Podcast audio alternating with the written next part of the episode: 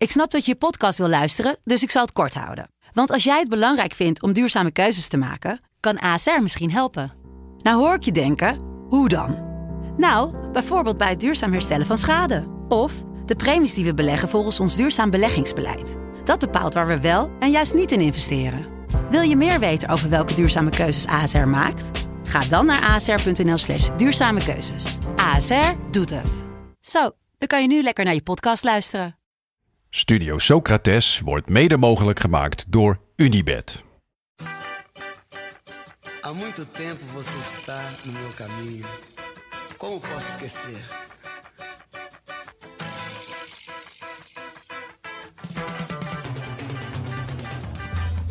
Welkom bij Studio Socrates, een podcast over alles wat voetbal mooi maakt. Elke week kijken we een memorabele wedstrijd in zijn geheel terug. Want vaak hebben we wel een idee of een beeld van een team of een speler. Maar klopt dat wel? Was dat ene team nou werkelijk zo speciaal? Hoe speelden ze echt? En wat kunnen we ervan leren? We gaan op onderzoek uit met deze week Socrates in levende lijven. Brazilië-Italië van het WK 1982 in Spanje.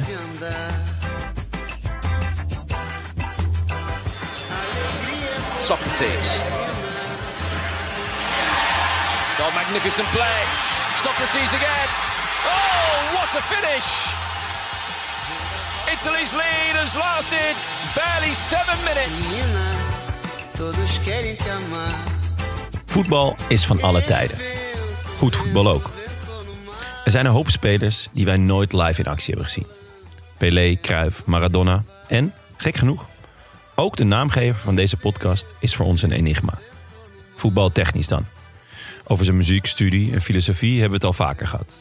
Maar 90 minuten lang kijken naar hoe die loopt, dribbelt, paast, dat hadden we nog nooit gedaan. Een uitgelezen mogelijkheid dus. Om te kijken of die gelijkenis met Daan een beetje hout snijdt. Was hij echt zo lang, langzaam en linksbenig? Als hij ook maar een fractie van het talent van Daan had, dan komt het wel goed komen natuurlijk. Nou, wat een eer. Ja, ja, nee, zeker. Je bent eh, een fantastische voetballer. Dat wordt, eh, jij bent natuurlijk eh, vrij bescheiden erin. Maar eh, nou ja, Jasper en ik hebben dat eh, regelmatig gezien. En eh, ja, ik denk dat jij wel mee kon komen hoor, in dit team. Ik bloos helemaal. Als we nu, nou, er zijn camera's, ze zullen wel niet aanstaan. Maar Maar het is wel een beetje wat je zegt. Want ik, heb ook vaak wel het idee dat als ik 50 jaar geleden was geboren, dat ik misschien wel met mijn talent, wat ik nu heb, profvoetballer Ja. had kunnen worden. Ik denk dat het daardoor heel onnuchterend is om, de- om zo'n wedstrijd te kijken. Want ik had nooit profvoetballer kunnen worden. Het niveau lag echt hoog, maar daarover later meer. Ja. Ehm, we hebben dus die hele wedstrijd teruggekeken om te kijken of alles wat wij over zo'n team of zo'n tijd of zo'n speler denken wel echt klopt. Aan het eind eh, van deze aflevering stellen we onszelf of beantwoorden we deze drie vragen. 1. Wie of wat viel het meest op? 2. Welk beeld moeten we bijstellen? En 3. Als je één ding zou mogen meenemen naar het nu, wat zou dat dan zijn? Straks gaan we het over de wedstrijd hebben. Eerst even kort, wat maakte voetbal mooi de afgelopen weken? ja, vorige week hadden we een eh, hele mooie inzending van een luisteraar hierover. Die stuurde een verhaal in over eh, de Panini-plaatjes van Maldini. Die die kreeg bij de afscheidswedstrijd van Paulo. En eh, dat heeft een andere luisteraar geïnspireerd om een soortgelijk verhaal in te sturen. Ehm, hij stuurt in, mannen, wat voor mij voetbal mooi maakt. En dan komt er een heel verhaal, ik ga het even samenvatten. Ehm, dat is dus dat hij de kiksen van Christian Eriksen heeft gewonnen. En niet zomaar de kiksen van Christian Eriksen. eh, maar de Nike Superflies die hij aan had in die wedstrijd. Die 3-1 tegen Twente. De De kampioenswedstrijd. kampioenswedstrijd. Vet. En de manier waarop hij die gewonnen heeft, is eigenlijk wel heel grappig. Ehm, hij vertelt dat hij eh, op internet aan het surfen was en dat hij ergens een vraag zag staan: wie is er meer Superfly? Eriksen of Chudley? Als verwijzing naar de Nike Superflies waar zij allebei op speelden. Eh, hij klikte Eriksen aan en ging vervolgens naar de arena om die wedstrijd live te aanschouwen. Ajax Twente 3-1. Eh, heel dronken geworden, heel veel gejuicht. En een dag later krijgt hij opeens een bericht. Je hebt de kiksen van Eriksen gewonnen. uit die wedstrijd Ajax Twente. En dit was Joey Meyer. Joey Meyer heeft dit ingestuurd. En nou, foto's zitten erbij. Er staat nog op het mooie witte Nike-teken... staat nog voor Joey. Het is een beetje die paars fluoriserend gele variant. Eh, maar ik word wel blij van dit soort verhalen. Dus Ja. eh, blijf ze vooral insturen. Dit, eh, dit maakt voetbal zeker mooi. Heel vet. Ik had ook een mooie week voetbaltechnisch. Ehm Daan en ik zijn weer begonnen met Studio Jaxi. Ja, leuk, boys. Op AT5. waarin- Ging het goed? Ja, nou, we hadden, het was een beetje anders dan anders. Normaal maken we een live voorbeschouwing op AT5 vanuit de Bloemenbar in Amsterdam. Dan kijken we in een volle kroeg, eh, gaan we eerst voorbeschouwen en kijken we vervolgens de wedstrijd. Er was wat misgegaan met de, met de techniek, dus nu deden we het in de studio van AT5. Oh. voelde het meteen heel officieel.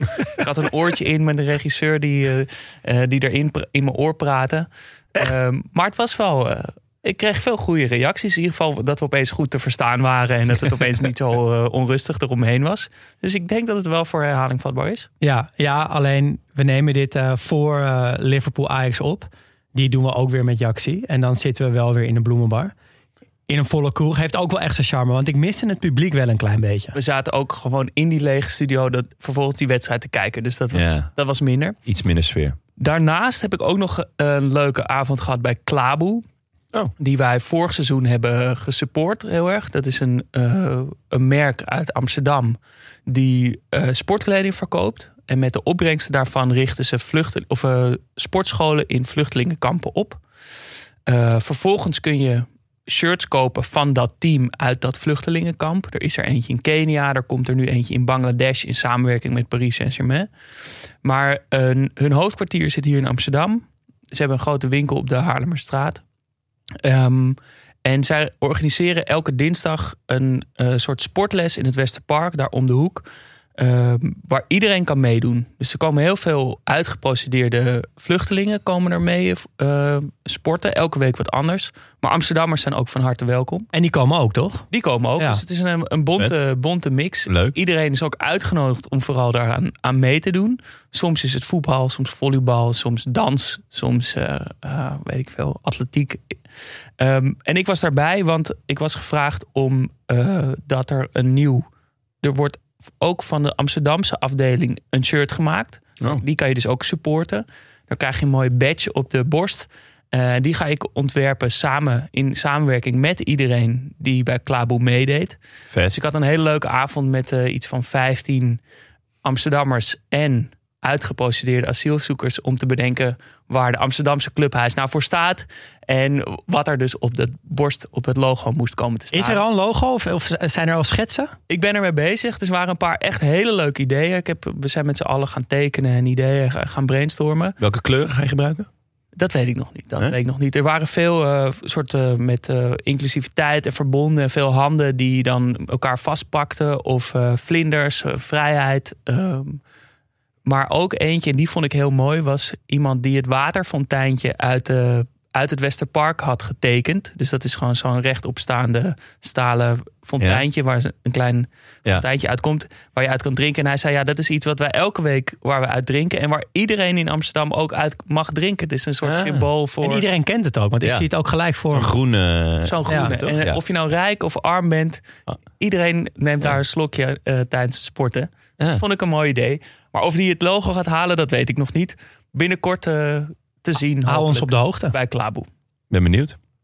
Ik had ook nog een klein dingetje die eh, wat ik echt eh, mooi vond. Ehm, de, we hebben het natuurlijk gehad over scannen. Ooit. En, een van mijn favoriete afleveringen was dat.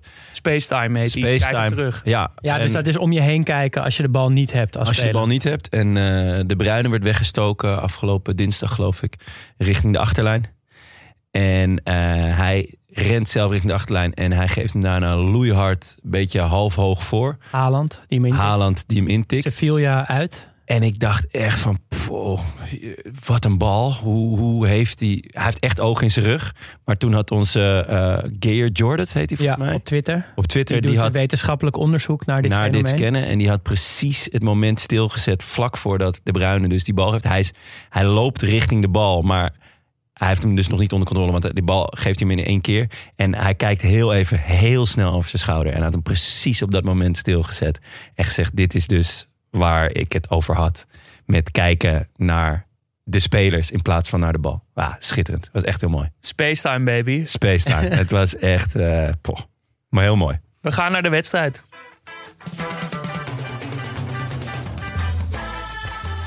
Welke wedstrijd hebben we gekeken?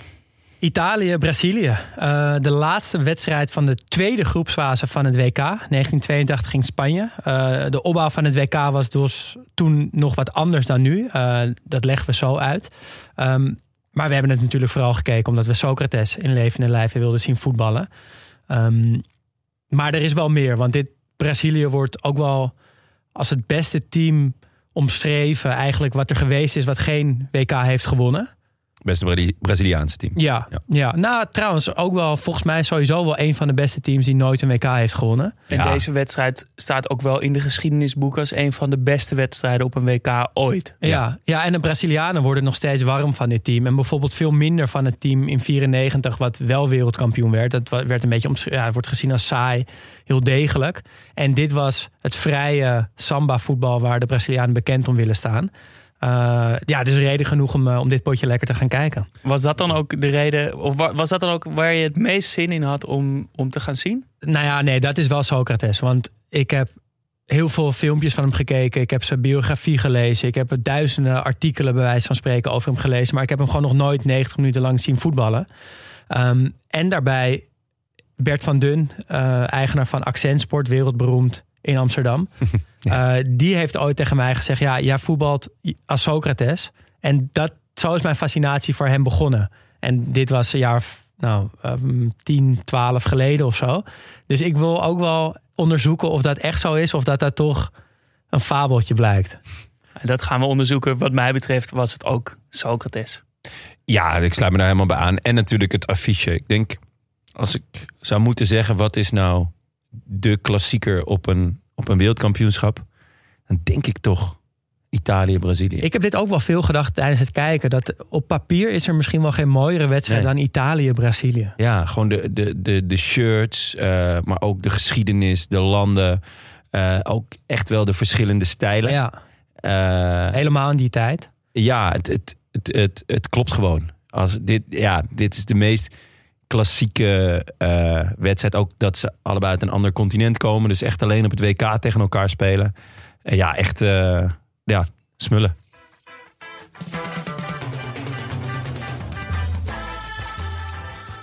Wat was er aan de hand? 5 juli 1982 om kwart over vijf in Estadio de Sarria in Barcelona. In Camp Nou werd Polen nog iets gespeeld. En de mooiste wedstrijd in een klein stadion met 44.000 toeschouwers, nog best wel wat, helemaal tot de nok toe vol. In 40 jaar kan er dus echt heel veel veranderen, maar opvallend genoeg ook heel veel hetzelfde blijven. Hoe dat spel precies in 40 jaar veranderd is, hoor je zo. Maar het WK was in ieder geval anders. 40 jaar geleden kreeg je als team twee punten als je een wedstrijd won in de groepsfase. En als je bij de eerste twee teams uit die vierkoppige pool uh, zat, dan ging je door naar de tweede poolfase. Daarin zaten drie landen die één keer tegen elkaar speelden. En waarin je dus ook twee punten kreeg bij winst. Het beste land van die drie ging uiteindelijk naar de knock-out fase. Die bestond gewoon uit de halve finales en de finale. Lekker overzichtelijk. Brazilië veranderde deze 40 jaar niet zo heel veel. Speel swingend voetbal werden ze na drie keer winst in de pool en met dus zes punten eerste. Italië veranderde wel en zelfs binnen dit toernooi, want ze stapten af van het klassieke Catenaccio. Werden tweede in de pool na drie zuinige gelijke spelen. 0-0, 1-1 en 1-1. Maar het zorgde er net, net voor dat ze in die tweede ronde kwamen in de pool. Met het Argentinië van Maradona, dat regerend wereldkampioen was. En de oud-wereldkampioen Brazilië. Heel erg de underdog dus. Ze switchten weer terug naar het vertrouwde Catenaccio. En schopte Maradona uit de wedstrijd en scoorde twee keer uit een counter. Brazilië won... moeten we die toch ook maar een keer terugkijken. Brazilië won ook een wedstrijd van Argentinië. Niet met Catenaccio, maar door gewoon nog mooier en nog beter voetbal te spelen. Uh, door het doelsaldo daardoor was een gelijkspel genoeg voor Brazilië om door te gaan. En underdog Italië had zichzelf opnieuw uitgevonden en durfde die strijd wel aan. En dat leidde tot de wedstrijd die we gekeken hebben. Een wedstrijd die dus wordt gezien als een van de mooiste WK-wedstrijden ooit. En deze wedstrijd resulteerde dan, dat kunnen we alvast verklappen, in een finale waarin Tardelli mooier juichte dan iedereen in de 40 jaar daarna toen hij Italië voorbij West-Duitsland schoot. Hoe was dat, die jaag? Ja, het is een beetje zoals uh, Grosso ook juichte na het scoren van zijn penalty. 2006 was dat toch, Grosso? Pure extase en verbazing en ongeloof en, emo- en emotie. Tranen en, en het hoofd heen en weer schudden van nee, nee, nee, dit kan gewoon niet. Overkomt mij dit echt? En zijn armen best wel hoog volgens Ja. mij. Ja, die reiken een beetje, Ja. zijn handen reiken naar boven, armen voor zich uit en dan maar dat hoofd schudden en huilen. Ja, en dus hij kon zo juichen omdat, eh, omdat Italië dus won van Brazilië in deze wedstrijd. En dat deden ze in de volgende opstelling. Op goal Zoff, Dino Zoff, die kennen we nog wel. Eh, van rechts naar links Oriali, Colovati, Schirea en Cabrini. Twee man voor de verdediging, Gentiel en Tardelli. Eh, drie aanvallende middenvelders, Grazzani, Antonioni en Conti. En in de spits natuurlijk Paolo Rossi. Eh, Brazilië. Gewoon een 4-2-3-1, hè? Ja, dat was wel, vond ik ook wel interessant Ja. om te zien. Het is niet de bus parkeren. Nee. En Brazilië speelde in een soort van 4-2-2-2. Ehm Walder Perez op de goal. Van rechts naar links achterin. Leandro, Oscar, Luzinho en Junior. Voor de verdediging Cerezo en Socrates. Ehm, rechts aan de zijkant Falcao. Links aan de zijkant Eder. En daarvoor Zico en spits Serginho. Oké, beeldje even in. Wat wij 90 minuten lang hebben gezien was in een eh 4 tot hoe noem je dat? 4-3 formaat. Niet 16-9 dus, maar gewoon bijna vierkant formaat. Zagen Ja. een heel zonnig open stadion waar iedereen witte of gele bucketheads op had. Meer, meer Brazilianen dan Italianen, dacht ik te zien. Nee. Nee, nee, ik dacht niet? meer eh, Italianen. wel. Je hoorde aan het geluid ook dat het heel veel meer Italianen Veel waren. Italiaanse vlaggen, maar ze hadden blijkbaar allemaal bij de ingang kunnen kiezen of ze een Italiaans wit bucketheadje opkregen of een gele Braziliaanse. Ah. Ehm, Even nog over die vier, dat formaat 4-3. ja, Want ik heb hem gecast op mijn eh, tv, dus via mijn, via mijn lappie. ik ook. Kreeg je dan aan de rechterkant zo'n vet groot vlak met eh, Brazilië, eh, Italië en Ja. Spanje 82? Ja, Ja, maar ik, da- ik, had, heel af- irritant. ja. Nou, ik had het op mijn laptop ook. Dus volgens mij Ja? zit dat gewoon in de stream van FIFA. Ah, Want we keken het op het YouTube-kanaal van FIFA. Dit. echt bokken irritant. Ja, was heel Ja, Want vervelend. eh, je, het, het is gewoon, die, dit formaat is geen breedbeeld. Dat is, ja, dat is prima. Meestal Die waren er toen nog niet. Van twee Nee. zwarte balkjes. is twee zwarte balkjes of twee groene balkjes als ze het nog minder irritant willen maken. Maar nu was het gewoon aan de rechterkant, zeg maar gewoon, ik denk ongeveer een derde van het scherm, was gewoon twee vet grote, ja, hoe noem je dat? Vlaggen, animatieachtig ding. En Ja, lelijk ook. echt lelijk, ja. Goed, dat staat, wij zien dat, dus beeld het je in. Ja. Vergeet die balk. Zie gewoon dat 4-3 formaat. En wat vooral opvalt eigenlijk meteen als die wedstrijd begint, is het geluid. Dat volgens mij bij elke wedstrijd van voor 1990 of zo te horen is. Namelijk gewoon een soort Vuvuzela-fluit. Echt? Is, nee, is dat bij alle... alle Het komt, al die oude WK's en zo, komt me dat echt. Ik, Hoor je dat? het was echt verschrikkelijk. Ik ben, de Fufuzela was echt een absolute ramp voor, de, voor, voor dat hele toernooi eigenlijk. Die, 2010 in Ja, Zuid-Afrika. eigenlijk de- dat hele toernooi kan je met één geluid namelijk kan je zo samenvatten. Ehm, en dit zat, was gewoon een nog erger. Het was alsof Iets iedereen. hoger was het. Ja, alsof iedereen zo'n trompetje had meegenomen. eh, Zo'n kazoo. ja, ja, ja. Vet klein trompetje. Echt matig. Echt matig. Voor de rest, eh, hè, geen klachten, maar dit was wel even vervelend, toch? Goed, dus dit zijn twee slechte dingen, maar vergeet die dus meteen. vergeet die balk, vergeet dat geluid, want het was prachtig. Ja. We zagen, een, we zagen strakke katoenen shirts, korte glimmende broekjes en strakke lange kousen. We zagen veel grote bossen haar en heel veel snorren. Eigenlijk een soort bewegende voetbalplaatjes. Ja. Eh, de bal was de Adidas Tango. Klassiek wit met zwarte soort driehoekjes. En elke 10 minuten komt er grote gele letters in beeld. Over het hele scherm eigenlijk. Met de stand en de tijd en de, de landen die speelden. Eh, bij elke herhaling was het een grote witte blokkerige R in de, in de bovenhoek. Ja, die was echt fantastisch. Ja, die was echt vet. Daar keek ik ook echt enorm naar uit. Ik hoopte op de H, die een beetje knippert, maar dit was ook echt goed. Ja, dus Eh, de air van replay. Ja, af en toe, waar ik ook blij mee was, was een soort VHS-achtige ruis door Ja. het beeld heen. Ja. Dat duidelijk was dat ze een oude band gedigitaliseerd hadden. En de scheidsrechter was ook mooi in keurig zwart gestoken, nette heer. ja. Met zo'n wit kraagje. Ik vind dat wel... eh, veel dingen zijn echt minder goed geworden. Zo, als je kijkt naar de esthetiek van nu en vroeger. En scheidsrechters al helemaal. Want ik vond dit er zo goed uit. Ja. Ik denk ook dat je misschien toch iets meer respect voor de scheidsrechter hebt... als hij er mooi goed uitziet. Tuurlijk. Eigenlijk gewoon ook een stropdas. ja, Gewoon een nette misschien vak wel, ja. die gewoon Ja. zegt... jongens, dit is een overtreding. ja nou, ik vond het echt mooi. Nog heel Ehm, even over de broekjes. Want die ja. van Italië waren niet zo kort. Is je Nee, dat minder opgevallen? kort. Ja. Minder kort. En toen dacht ik, want in de jaren 50 en 60 hadden ze allemaal nog ja, van, die, van die soort halve jurken. Die nog echt tot ver over de knie Ja. leken te komen. Dus een soort, ja, een soort gewaden of zo wat er omheen drapeerde. Maar Italianen lopen eigenlijk altijd voor, modetechnisch, toch? Ik bedoel, Zeker. dat zie je ook later. De, de, de shirts werden eerder strak. I- Want nu zit eigenlijk allemaal met lange broeken. Eh, liep Italië hiervoor of liepen ze juist achter? Ik denk dat ze dan eigenlijk gewoon weer voorliepen. Hiervoor liepen, hè? Ja. ja. Dat moet wel. Ja. En wanneer denken jullie komen dan dus die korte broekjes weer terug? Nou, Nou, ik denk dat Ronaldo en eh, Sergio Ramos daar al mee begonnen zijn. Ja, dat- met die broeken ja. zo helemaal opfrommelen. Dat denk ik ook. ik echt bloedirritant vind. Ja. Ja, en je ziet ook steeds meer spelers die hun sokken heel laag doen. Volgens om die afstand tussen het broekje en de sok langer te maken. Ja. Te laten zien dat je mooie lange benen hebt of zo. Ja, Nou ja, goed. Het is, het is natuurlijk... Cerezo trouwens, die, eh, die eh, voor de verdediging eh, speelt bij Brazilië... heeft de sokken dus ook helemaal Ja. naar beneden Die gestroopt. speelt bijna met enkelsokken. Ja, ik dacht dat Deo Faisio Zeefuik de eerste was die dat deed. Maar met net als zoveel Ja. is het allemaal al een keer Het eerder. is allemaal een keer gedaan. En, dus ik, ik, het zou me echt niet verbazen als er gewoon binnen, binnen nu een drie jaar een club komt met echt, echt korte broekjes. Korte broekjes, korte sokjes. ik, korte ik hoop sokjes. het. Ik ben er wel Ja. weer klaar voor. Ik ook. En het is natuurlijk de USP van een voetballer. Hè? De benen. Ja, zeker. Benen zijn alles. Ja. Dan begint de wedstrijd. Eh, ja, nee, ze- da- nou, Ja, dat toch? al helemaal, ja. ja. Maar Ehm, vertel, de wedstrijd. Ja, we, we hebben hem dit keer dus niet eh, op Voetballia teruggekeken, maar op het YouTube-kanaal van de FIFA.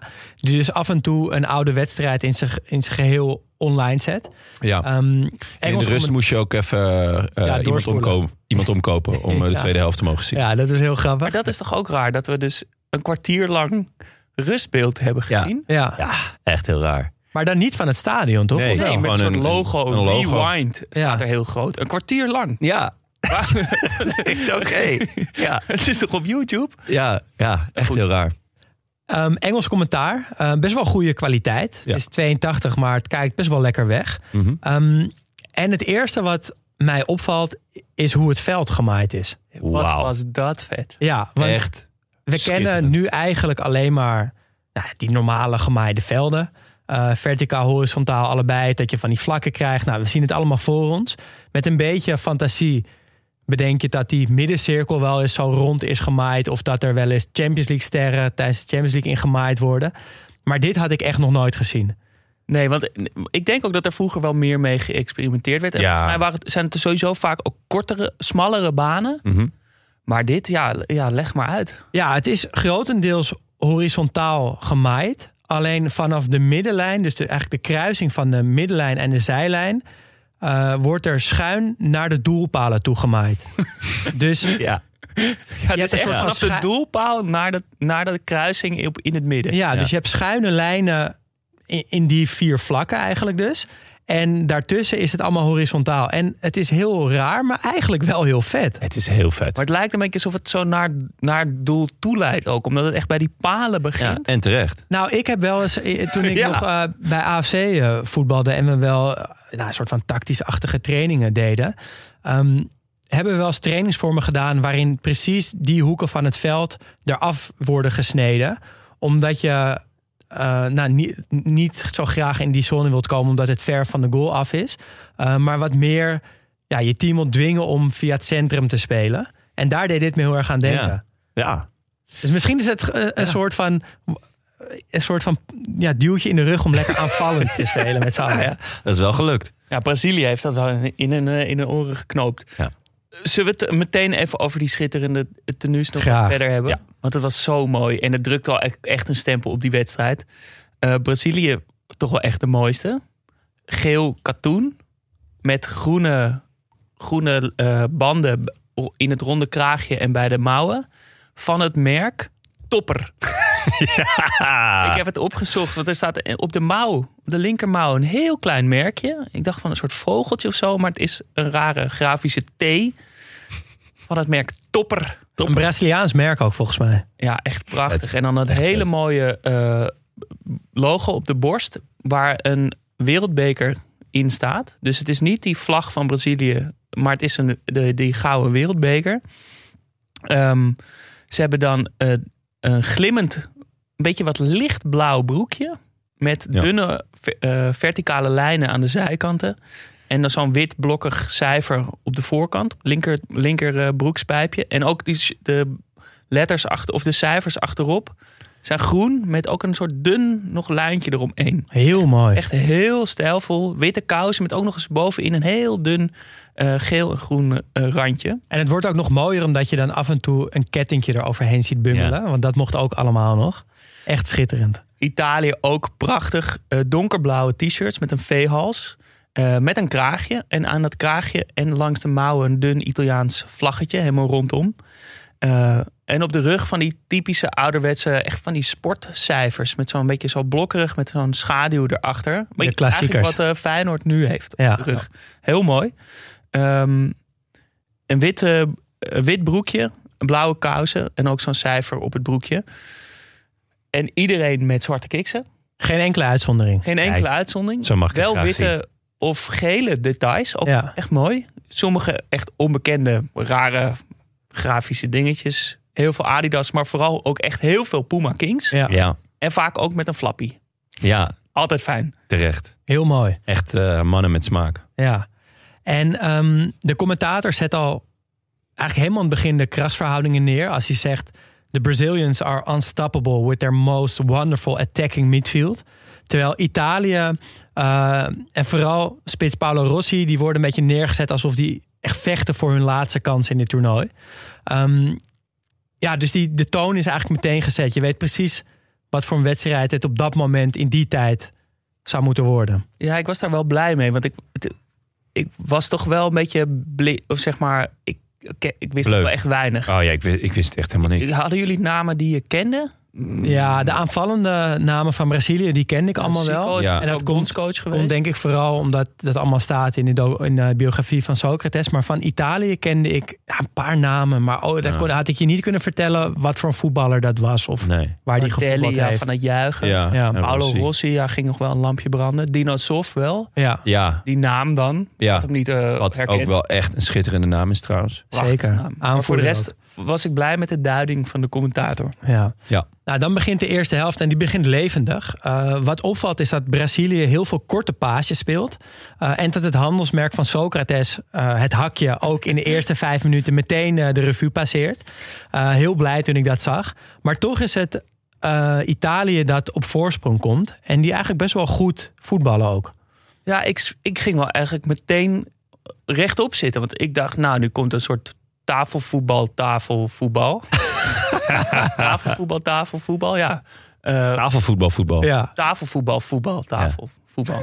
Eh, wat het ging, het was dynamisch. Het ging door het midden, combinaties, korte pases, bewegende spelers. Eh, ik was zwaar verbaasd. Ja, en die, en die 1-0 van Italië is daar ook een mooi voorbeeld van. Want de rechter, rechtsbuiten, rechteraanvallende middenvelder krijgt de bal. Bruno Conti. En ja, die kan hem een paar keer al meegeven aan een, eh, aan een medespeler. Maar die kiest ervoor om naar binnen toe te kappen. Eh, passeert eigenlijk twee Brazilianen op echt een mooie manier. En geeft dan met buitenkant links een opening op de linksback van Italië. Die goed mee op is gekomen. Dat gebeurde toen dus ook al. En die geeft echt een afgemeten voorzet op Paolo Rossi. eh, die bij de tweede paal klaar staat om die bal in te koppen. En die kopt hem tegendraads binnen. Echt een hele, hele, hele mooie goal. Ja. Het was echt eh, sowieso inderdaad wa- wat je zegt, Jas. Ik, ik vreesde enorm eigenlijk. Ja, Want, dat had ik ook. eh, nou ja, eh, ik zie wel eens beelden van 74 en er wordt Ja. over totaal voetbal gesproken. Ja, ik zit te kijken, ja, het is gewoon totaal wandelvoetbal. En af en toe rent er iemand en die scoort dan ook wel gelijk. dus ik, ja, ik ging echt wel een beetje met van, poeh, nou, het zou wel eens een lange middag Ja. kunnen worden. Maar tempo lag echt heel hoog. Ja. En, Ehm, en dus ook niet alleen bij Brazilië. Ook Nee. Italië speelde leuk voetbal. Helemaal geen catenaccio eigenlijk. Nee, maar dat was, dat, eh, daar had ik me op ingelezen. Dat, dat hadden ze dus inderdaad tegen Argentinië wel gedaan. Ja. Eh, Ze moesten ook winnen natuurlijk, Italië, om door te gaan. Ja, ja dus ze, mo- ze moesten wel aanvallend spelen. En ehm, ze hadden dat die, die eerste paar wedstrijden hadden ze veel verdedigender gespeeld. En eh, ja, dit was echt een beetje een, een, een truc van de, van de bondscoach. Om, eh, ja, om eigenlijk om te verrassen. En volgens mij lukte dat ook wel. Want eh, Brazilië was, nou ja, eh, onaangenaam verrast. Kwamen kwamen heel snel in achter. Daarna wordt er ook meteen... Er wordt heel snel gejuicht, vond ik. Die armen gaan even de lucht in. Ze knuffelen elkaar. En een minuut later staan ze alweer aan de aftrap. Ging echt heel rap. Ook sowieso al het verhaal houden en eh, eh, eh, klagen. En, Helemaal, niks. Helemaal Er was, er was maar één speler, of nou, speler, één persoon die tijd rekte. En dat wa- wa- was de keeper. Ja. En meteen na de doeltrap, vlak voor de aftrap, wordt er vuurwerk op het veld gegooid aan de, bij het doel van Brazilië. Dus ook dat hebben de supporters van Utrecht niet uitgevonden. en die keeper, Walter Pires, die, die schopt dat, die pijl of die soort fakkel weer terug het publiek in. Weg ermee. Weg ermee. Hier. Ja, dat vind ik wel ook, goed. ook opvallend. Ja. En daarna schieten ze vanuit de aftrap. Op Ja, goal. Ja, dat viel me ook Brazilië op. moet afnemen en die schieten gewoon niet, niet een paasje of zo, maar Dat gewoon in kan één ik keer op enorm waarderen. Dat eh, Gaat er niet in. kan ik niet ontkennen dat ik dat ook wel eens heb gedaan. Maar tempo valt dus echt ontzettend mee. En ehm, wat me ook heel erg opvalt is dat er veel minder lange ballen worden gegeven dan eh, de wedstrijden van de twee afleveringen hiervoor. Dus van Champions League finale tussen Liverpool en Milan en Feyenoord en Inter. Heel veel lange ballen in die wedstrijden. En ik had me daar juist weer een beetje op voorbereid. Maar dat was heel weinig. Nee, eh, de- ik denk dat het voornamelijk kwam door Brazilië en zijn, zijn dus enorm voetballende middenveld. Maar eigenlijk drie spelers die ontzettend graag de bal wilden de hele tijd. En ook ontzettend veel van positie wisselden. Dus continu elkaar zochten in de voeten. Ja, Ja, ik, ik, wat mij wel opviel, wat, het tempo is wel hoog, maar er wordt nauwelijks druk op de bal gegeven. Ze staan er een beetje bij te kijken en ze, ze gokken eigenlijk de hele tijd op, die, op de paas te onderscheppen. Maar echt de, bal van iemand afpakken wordt Ja, weinig gedaan. Dus een wordt soort lummelen. Ja, het wordt echt een soort... Ja. Ja, maar, ja de, dus de, de tempo was, was wat dat betreft een meevaller. Maar ehm, als je dan kijkt naar de omschakeling, eh, die vond ik heel raar. Want er werd wel gelijk omgeschakeld, maar dat betekende zo hard mogelijk terugrennen. En dan weer in- een soort van in positie staan. Ja. Eh, nou ja, nu wat een, heel, een beetje modewoords, maar dat gegenpression. Dus dat je gelijk weer hè, als, als een soort zwerm met z'n allen druk zet om de bal zo snel mogelijk te veroveren. Dat was nog niet echt. Nee, eh, dat zit er nog Je niet voelt in. weinig noodzaak. ja, nee, het was echt gewoon... Oké, balverlies, hup, sprinten en terug in je positie. En van daaruit proberen ja, die bal te onderscheppen. Ja, Brazilië komt eh, redelijk snel op 1-1 in de twaalfde minuut al. En ehm, dat is een hele mooie goal, vind ik. Zico eh, wordt ingespeeld, draait weg bij zijn man met een kap achter zijn stambeen. En geeft met buitenkant rechts de bal mee op Socrates, die ja, op karakteristieke wijze eigenlijk van het middenveld de 16 instormt. Hij krijgt de bal een beetje rechts in de hoek. Nou, niet in de hoek van de 16, maar hij kan eigenlijk alleen nog maar... is het, het is een hele lastige hoek. Het is een lastige hoek. buiten. Ja, en het lijkt lang alsof hij hem in de lange hoek gaat schieten. Maar hij kiest toch voor de korte hoek en verrast daar Sof mee. En schiet hem keihard binnen. 1-1, Socrates. En een heel mooi detail was hoe die, als die bal de lijn passeert, de, de, een soort krijtwolk opstuift van die net gekrijte lijn. En dat zag je ook als die bal uitging en zo, zag je echt zo'n wit wolkje even opstuiven. ja vet. Mooi. En hij heeft gescoord. En dat is natuurlijk voor de commentator een goed moment om ja, even wat langer bij Socrates stil, stil te staan. En dan zegt hij het volgende. Socrates, a doctor of medicine and a heavy drinker and smoker. And a great philosopher if you see how he plays. Nou, dat dat gezegd kan worden van Ja. een voetballer die op een WK aan het shinen is. Dat is toch wel heel bijzonder. Ja. Ja, ik vond het ook waanzinnig om hem te zien voetballen. Wat, Ja. wat, vond je, wat, wat vond je ervan? Nou, het is natuurlijk ook een beetje een rare relatie, omdat we. Nou, ik, ik Ja. zie zijn hoofd heel vaak. Want ja. is ons logo ook. Eh, maar dat hij dan echt gevoetbald heeft. En zeker toen hij close kwam in beeld na die, na die goal. En hij heeft gewoon precies dat haar en die Ja. baard en die, die hele lange benen. Ik, ik kreeg helemaal kippenvel. Ja, Het is maar ik gewoon- vond het ook heel Gewoon echt. bijzonder om hem te zien. En hij, hij voetbalt helemaal rechtop. En hij heeft zo'n best wel typisch drafje. Ja, hij Eh, hobbel- hobbelt ja, een beetje. Ja, hij lijkt, ik vond dat hij een beetje, want hij is heel lang, maar hij is niet zwaar of log, helemaal niet. Dus Nee. ik een beetje een, ja, het gaat heel raar klinken, maar een soort van zwevende giraf vond ik het. Ik vind wel, eh, hoe een giraf rent is echt prachtig. Ja. Dus slow motion. wat dat betreft vind ik de vergelijking is heel, is heel treffend. Maar het was ook een beetje hoe een, hoe een kleuter van drie een beetje zo kan hobbelen. Van die soort van stapjes, zo net elkaar jezelf steeds opvangen. dat van, ja, dat hobbelige. Ja, maar er zit toch ook... Maar wel sierlijk, heel ja, sierlijk, En is sierlijk. ook wel wat lichtvoetigs, wat heel knap is. En wat je niet vaak ziet bij iemand die zo lang is. Hij is 1,93 hè? ja, Ja. en heel dun natuurlijk ook. Ja, en zo'n beetje vrouwelijke lange benen. Ja, en Prachtig. heel erg... Achteraf eh, gezien waarschijnlijk ook dronken. Ja, dat zou zomaar kunnen. Ja. Nee, nee, ja, het schijnt wel, tenminste dat zegt hij in zijn biografie, dat hij voor dit toernooi wel echt eh, gestopt is. Nou, niet helemaal, maar wel dat hij echt geminderd is met alles. Ja, want hij dronk veel hè, al Ja. tijdens zijn, eh, zijn, zijn carrière. Ja, de hele tijd door eigenlijk. En Ja. eh, hij was daar ook heel open over. Ja? Ja, ja.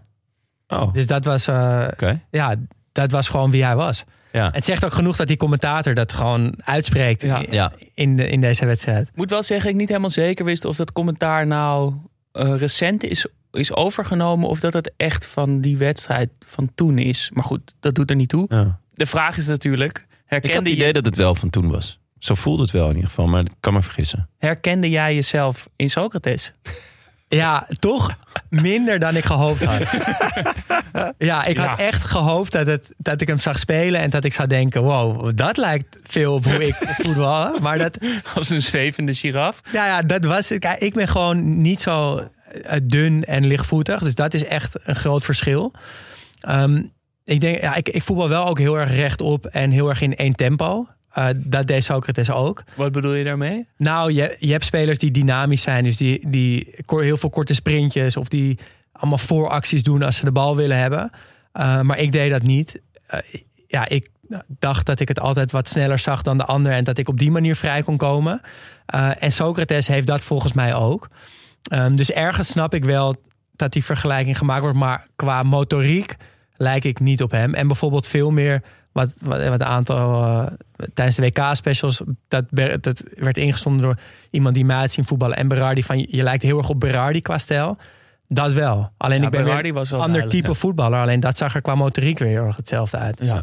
Dus ik was toch een beetje teleurgesteld. Goed, Nou, gaan wij weer, niet hoor. ze gaan weer door met voetballen en het is warm. ja. Dus ze gaan zweten. En in die, ja, het ziet er heel raar uit. Want je ziet heel langzaam door die katoenen shirts... en zeker in dat geel van, van Brazilië... komt een soort zweet door.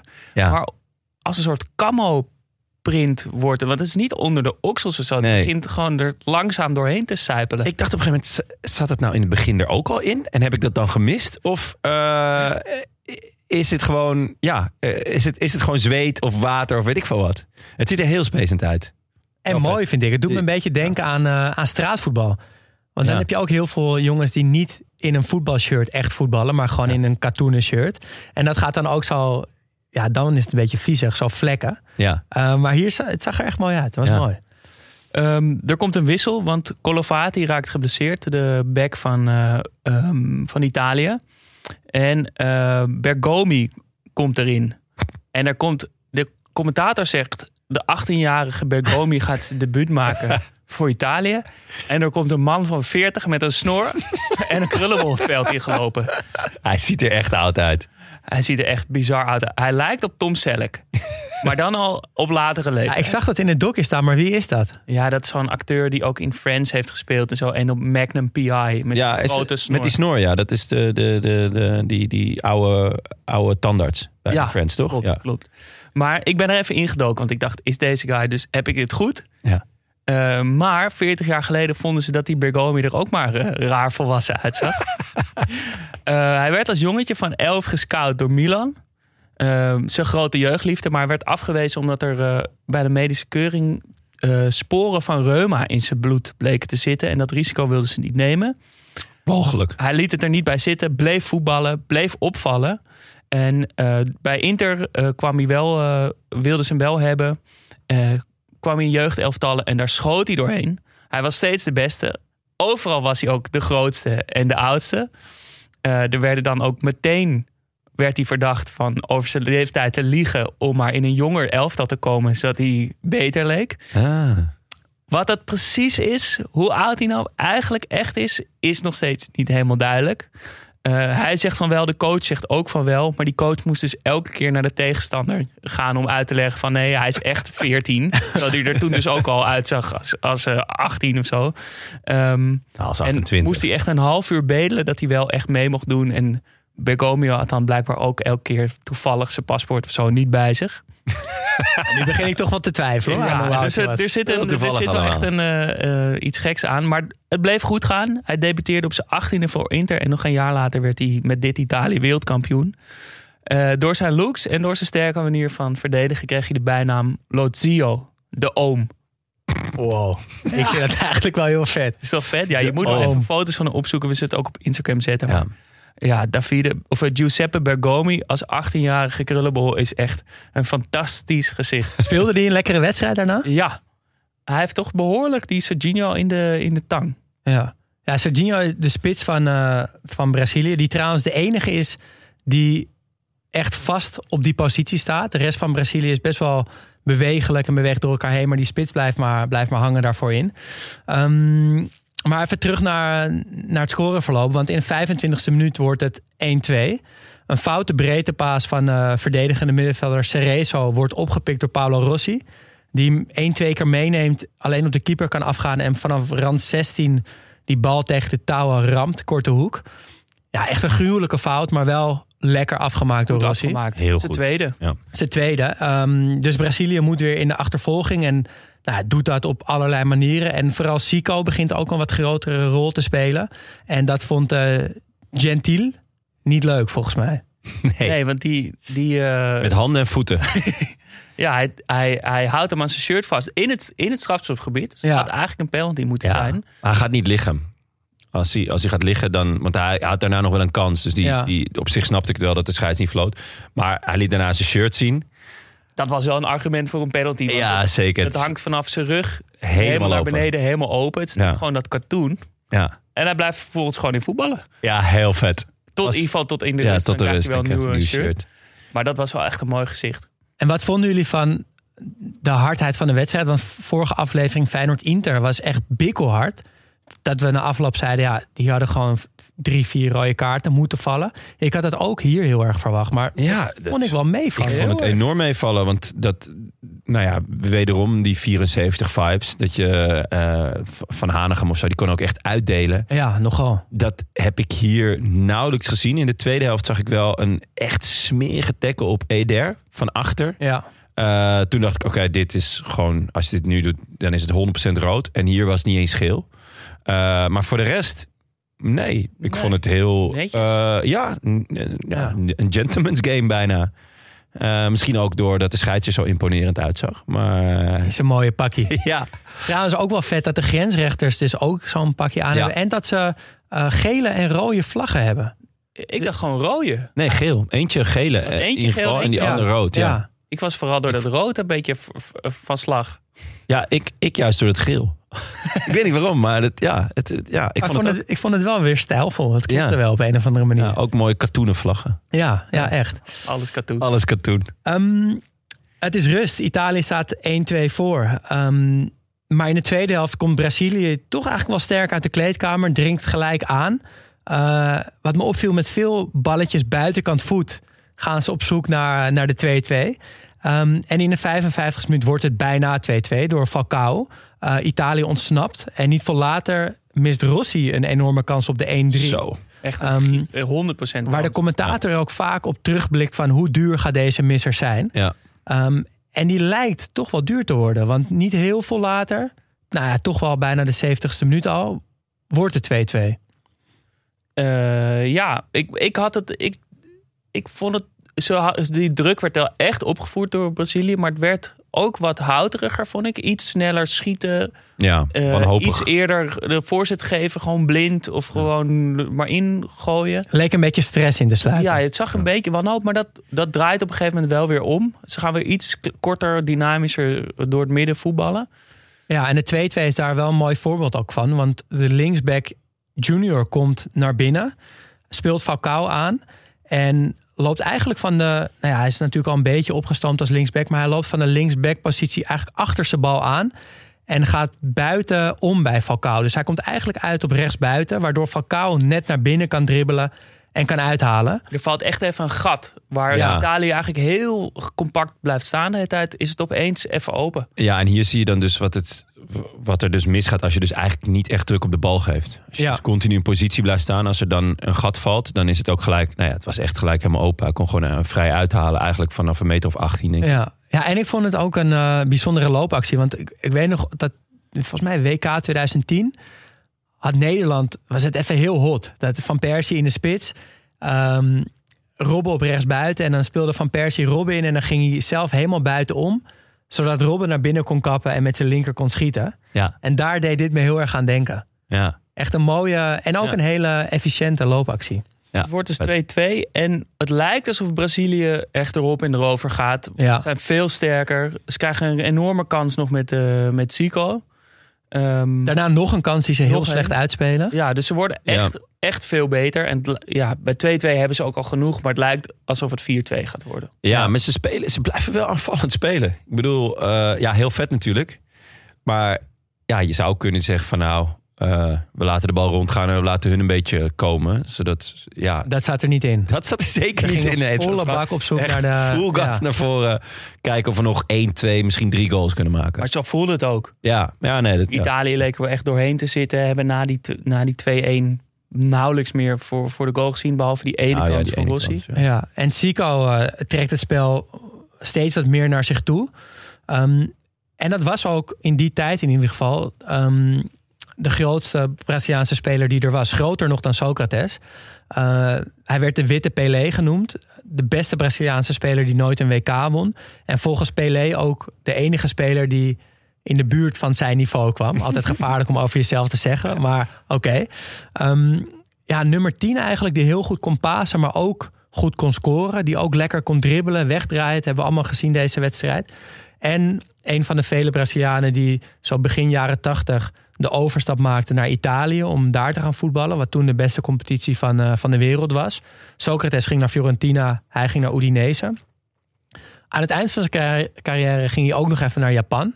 Het is ons ook al eerder Ja, opgevallen dat dat, is wel- veel Brazilianen dat eh, in de nadagen van hun carrière nog even doen. Echt een leuke move. Ehm, en ik vond hem ook wel echt goed. Hij viel wel op. Ja, Dat vond ik wel, ja. Hij, stond, eh, stak er wel bovenuit. En is vooral, vooral in de tweede helft een actie heel mooi... waarin er een soort eh, diep of een soort hoog eh, balletje achter de verdediging wordt gegeven. Een beetje kort.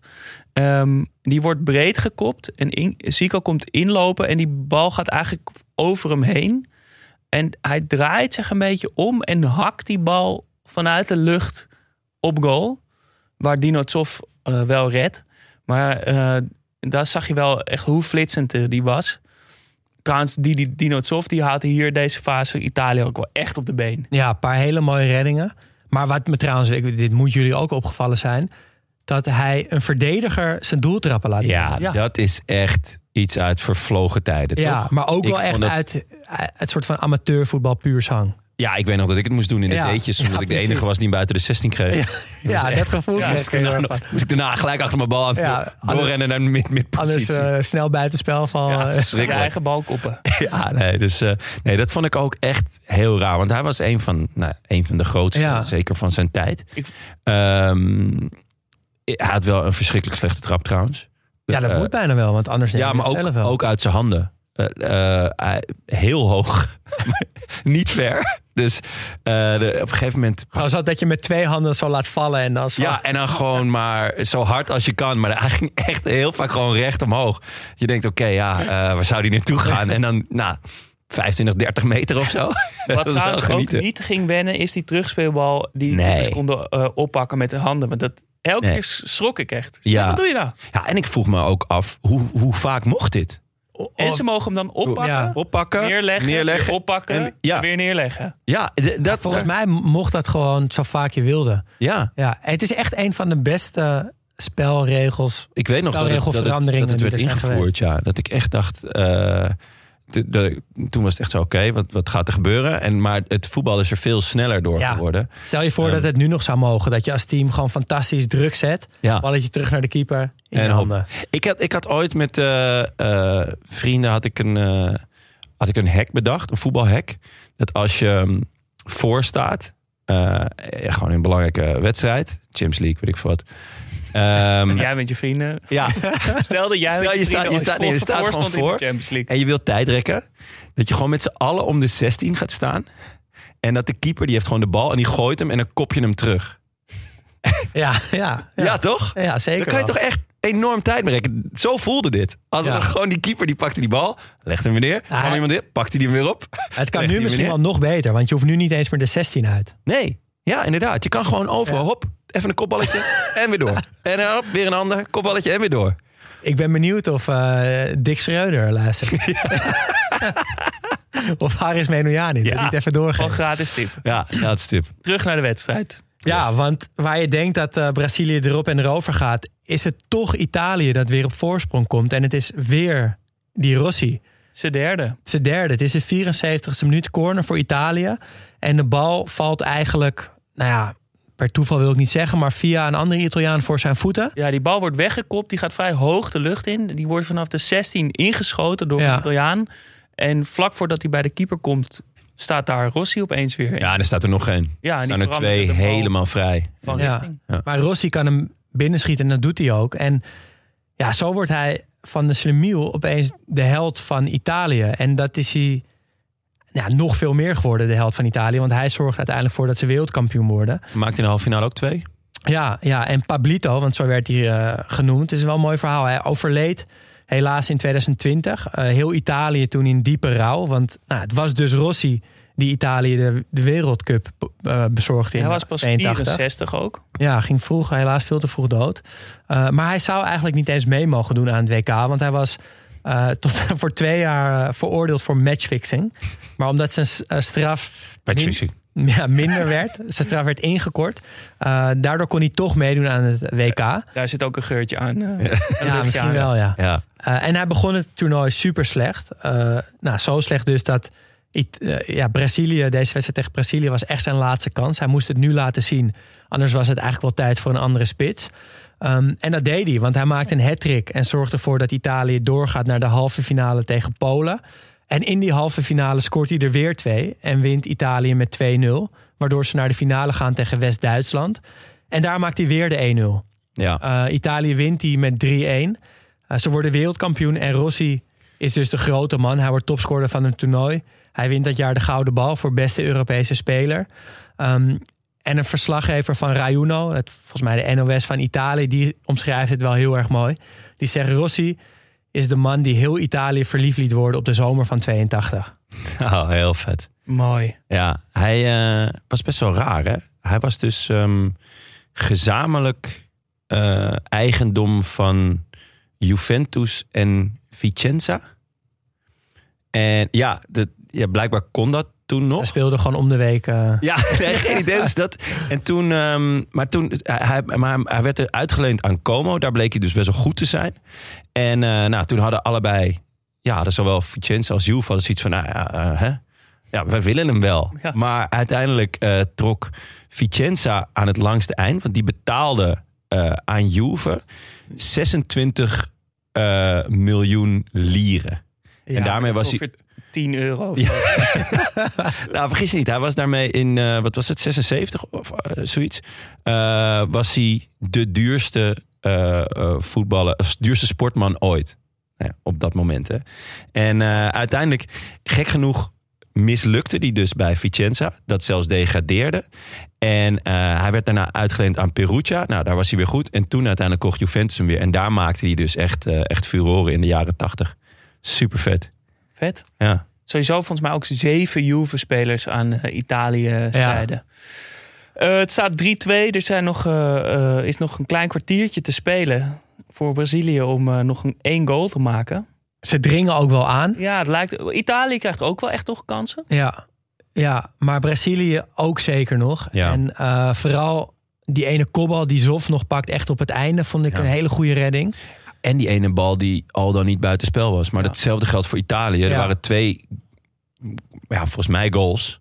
Die, Ik vond dat ook wel bijzonder, ja. Want er zijn gewoon te weinig camera's rondom het veld om een goede herhaling te zien. Dus als kijker blijf je ook een beetje verbijsterd achter. Van ja, er Ja. wordt gescoord, er wordt De- afgefloten. Maar is het, is het wel buitenspel? Van Italië weet ik vrij zeker dat het geen buitenspel Nee. was. Dat kan je gewoon in het normale, in, in, zeg maar op normale snelheid kan je, heb je wel een goede hoek. Ja. Zie je eigenlijk gewoon dat die gast echt eh, achter de vijf meterlijn staat, terwijl er nog iemand op de vijf meterlijn staat. Dus Maar iedereen haalt ook zijn schouders op. ja, En denkt, en oh, het door. zal wel buitenspel zijn ja, geweest. ja, echt geen enkele vorm van protest of, of gezeur. Ook, eh, nou ja, Italië staat op doorgaan.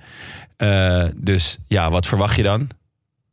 Ja, Act- acteren gewoon de hele tijd op de grond liggen, tijdrekken niks. Vervelend doen. vervelend doen. Helemaal niks. Nee. Gewoon eh, opstaan, doorgaan. Alleen dus de keeper die de, de bal in zijn handen pakt. En Ja. dan weer laat liggen. En dan weer oppakt. En dan een kaart de lucht inpeert. en dan, ja, de- maar voor de rest niet. Nee. Ik ben echt benieuwd naar de zuivere speeltijd.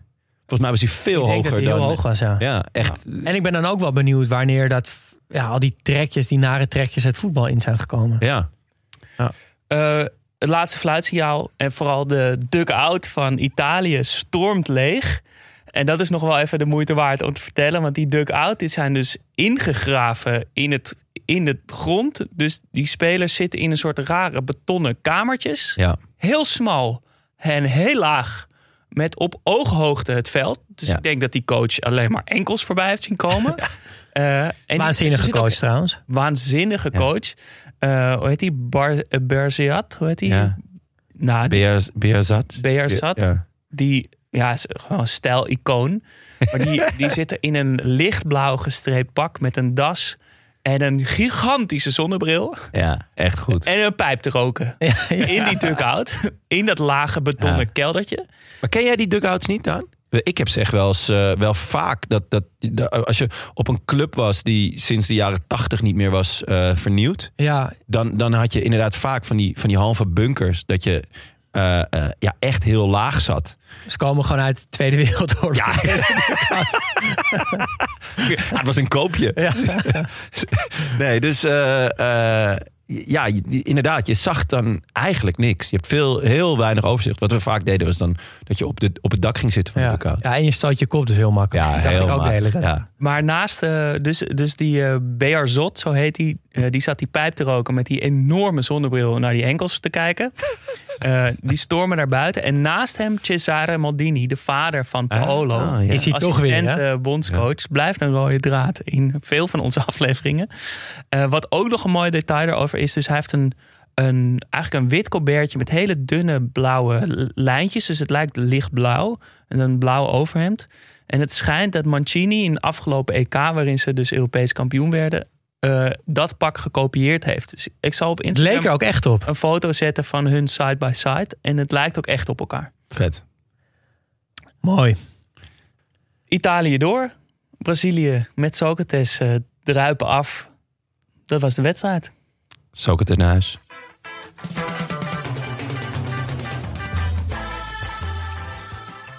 De drie vragen. Eén, wie of wat viel het meest op? Twee, welk beeld moeten we bijstellen? En drie, als je één ding mee zou mogen nemen naar nu, wat zou het dan zijn?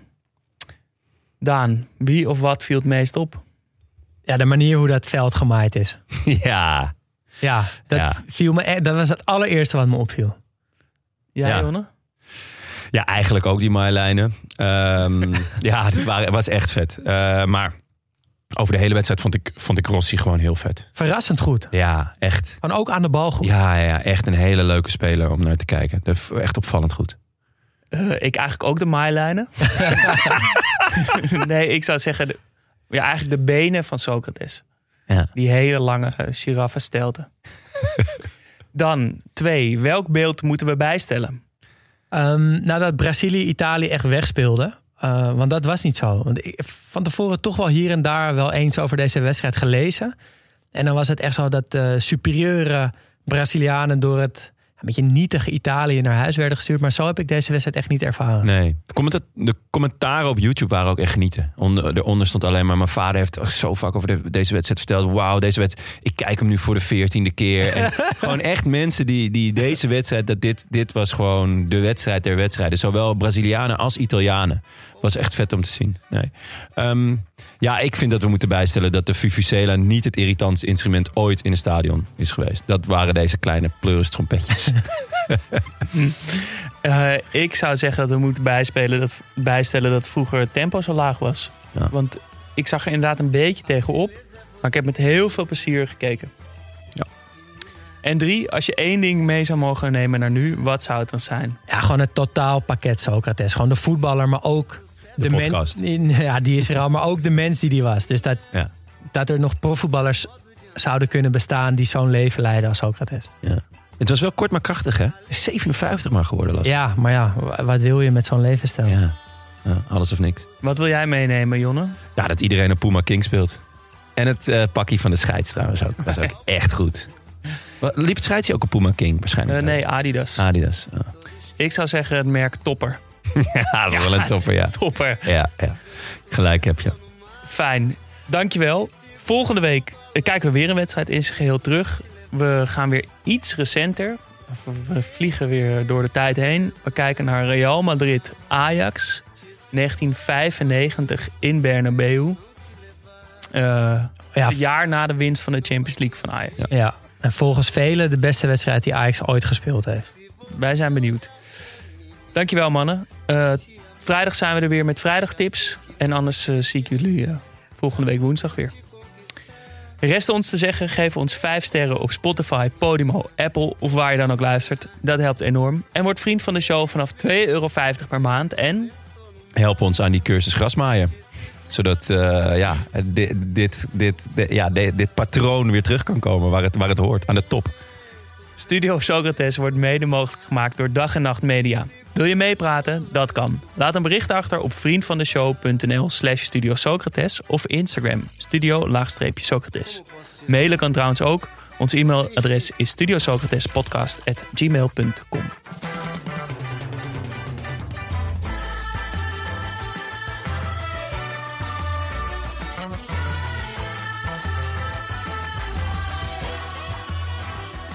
Yes. Nog een kleine toegift. eh, want ja, het was, het was een, wel een bijzonder toernooi eh, in Spanje. Eh dit past niet echt lekker in de rest van de uitzending. Dus ik dacht, doe het gewoon even nu. Een easter egg. Een easter eggje. Ehm, opvallende deelname was er van El Salvador. El Salvador is een heel klein landje in Midden-Amerika... waar geblindeerde auto's inmiddels verboden zijn... omdat er te veel mensen werden ontvoerd. Die deden mee en kregen een historisch pak slaag... van niemand minder eh, dan Hongarije. Het werd 10-1. Oeh. Ja, ben ik toch altijd wel benieuwd naar die ene goal. Maar goed, dat, dat. Bornetje. Was het de eerste. Ja, de eerste. Ze maakte de 1-0. Tot, het, tot de En toen ging ze 70ste minuut dachten ze dat ze er al waren.